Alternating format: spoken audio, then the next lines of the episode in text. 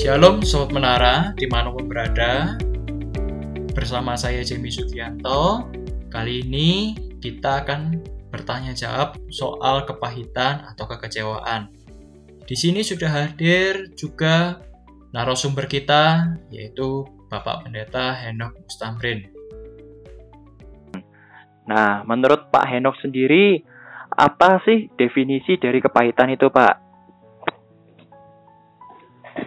Oh iya, uh, secara gambaran apa kebebasan ya atau gambaran bebas untuk arti kepahitan atau kekecewaan itu adalah uh, sesuatu yang uh, sebetulnya tidak sesuai dengan apa yang diharapkan ya. Jadi tidak sesuai dengan apa yang diharapkan sehingga memunculkan kekecewaan ataupun kepahitan itu itu menurut saya untuk apa ya arti kecewaan atau kepahitan itu berdasarkan uh, sesuatu yang diterima dan itu tidak sesuai dengan yang diharapkan atau yang diinginkan. Ya. Itu menurut saya. Oke pak. Nah kalau kepahitan sendiri itu apa saja sih pak yang membuat itu menjadi pahit atau kecewa ya pak ya itu istilahnya ya itu atau dimulai dari kekecewaan dulu pak itu gimana pak? Ya dari apa yang sudah saya sampaikan tadi itu hmm. bahwa kepahitan berasal memang dari sebuah kekecewaan. Iya. Yang mana yang tadi bahwa itu uh, tidak sesuai dengan yang diharapkan ya. Jadi sesuatu yang terjadi dan itu tidak sesuai dengan harapkan sehingga kecewa. Nah, jika kecewa dan itu terus menerus atau berlarut-larut, maka menimbulkan kepahitan gitu ya karena tidak sesuai ya sebuah penyelesaian yang istilah tidak selesai ditambah lagi dengan mungkin kekecewaan lagi sehingga memunculkan sebuah apa namanya kepahitan ya karena memang tidak selesai dari apa yang dialami tidak ada jalan keluar apa yang dialami sehingga pada akhirnya memunculkan kepahitan. Nah, seperti nah, itu. Oke, okay, Pak. Nah, kalau misalnya menurut Firman sendiri itu bagaimana Pak untuk kepahitan, kekecewaan itu sendiri itu gimana caranya Pak mengatasinya?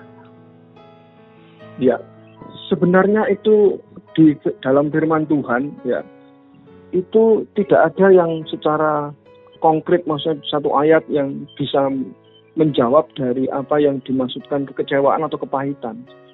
Tapi paling tidak di dalam Alkitab itu di dalam firman Tuhan itu ada semacam ringkasan peristiwa yang mana pada akhirnya kita bisa mengambil kesimpulan bahwa sesungguhnya kita ini memang manusia yang ada keterbatasan, yang ada kekurangan.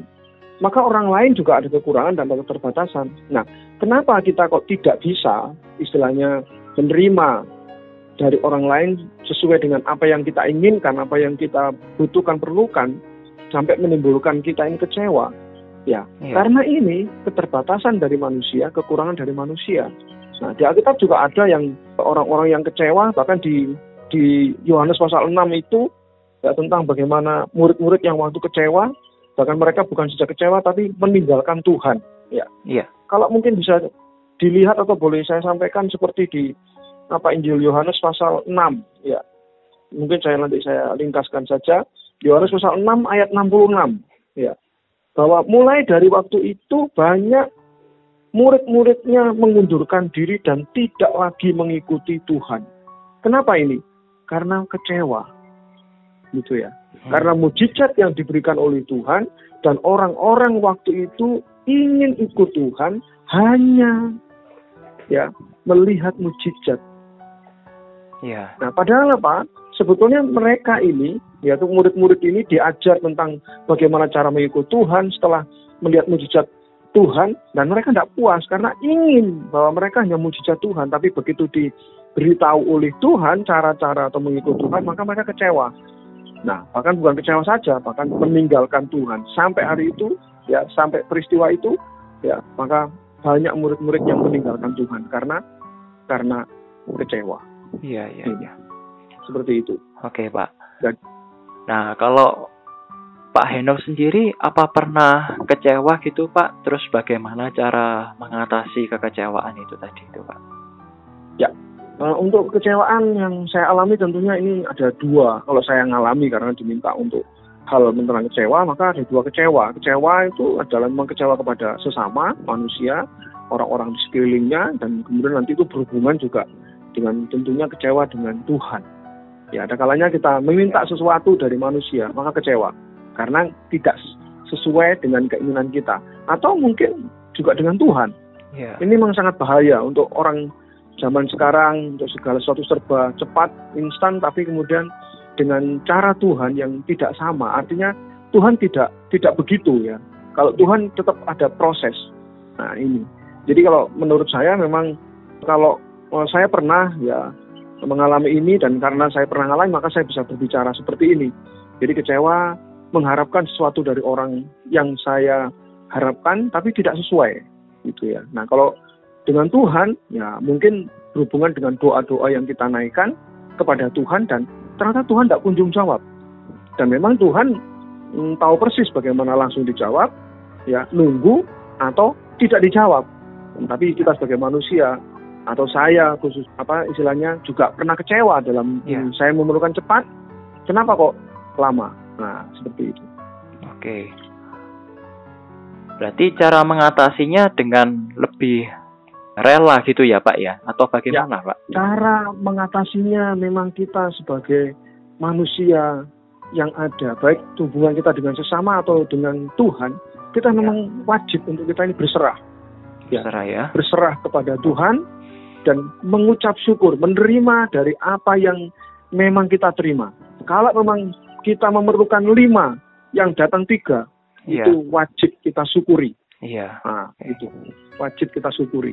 Nah itu cara mengatasi yang saya pikir satu-satunya cara bersyukur menerima apa adanya bersyukur. dari orang atau dari apa yang Tuhan. Iya bersyukur. Bersyukur ya Pak. Ya. Bersyukur. Ya. Oke. Okay. Ya, Pesan-pesan buat sobat menara kira-kira untuk mengatasi kekecewaan terus kemudian setiap hari ya namanya juga dalam kehidupan ya itu tidak lepas dari namanya kecewa atau pahit itu apa ini Pak pesan-pesannya buat sobat menara atau menjaga diri atau bagaimana itu pak?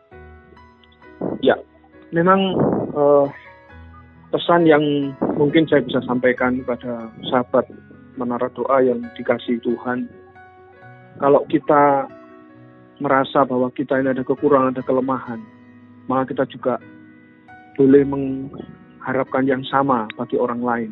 Ya, itu pasti ada kekurangan kelemahan. Jadi pesan saya bahwa marilah kita hidupi, kita jalani bahwa memang harus memang berusaha, ada usaha yang memang kita harus kerjakan. Tapi segala keputusan ingat bahwa ada Tuhan. Nah, jadi segala sesuatu putusannya datang dari Tuhan. Nah, sebagai orang percaya, khususnya Bapak, Ibu, Saudara, ya, sahabat menara doa, mari kita mempercayakan hidup kepada Tuhan. Ya. Supaya kita terhindar dari bentuk-bentuk kekecewaan dan tentunya Tuhan tahu, bahkan lebih tahu dari yang kita perlu kita butuh. Menurut pengalaman saya, walaupun pernah sempat kecewa, tapi Tuhan menjawab lebih dan itu tepat pada waktunya. Kecewa karena kita tidak sabar, kecewa karena kita maunya cepat. Tapi kalau sudah waktunya Tuhan, maka kita nanti minta ampun sama Tuhan. Karena apa? Waktu Tuhan dan cara Tuhan itu yang terbaik. Itu pesan saya. Oke, Pak. Oke, Pak Henok. Terima kasih, Pak, atas setiap saran-sarannya, sharingnya di acara talk show hari ini. Dan bagi sobat penara, bila ada yang ingin ditanyakan langsung, maka bisa bertanya kepada nomor yang sudah saya sharekan. Terima kasih, Tuhan Yesus memberkati.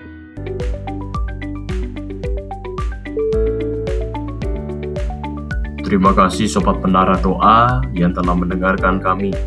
Apabila Sobat Menara ingin bertanya atau memberikan saran dapat menghubungi nomor 0823 333 923 70 baik melalui telepon, SMS, atau WhatsApp. Oke, Sobat Menara, sampai bertemu kembali. Tuhan Yesus memberkati.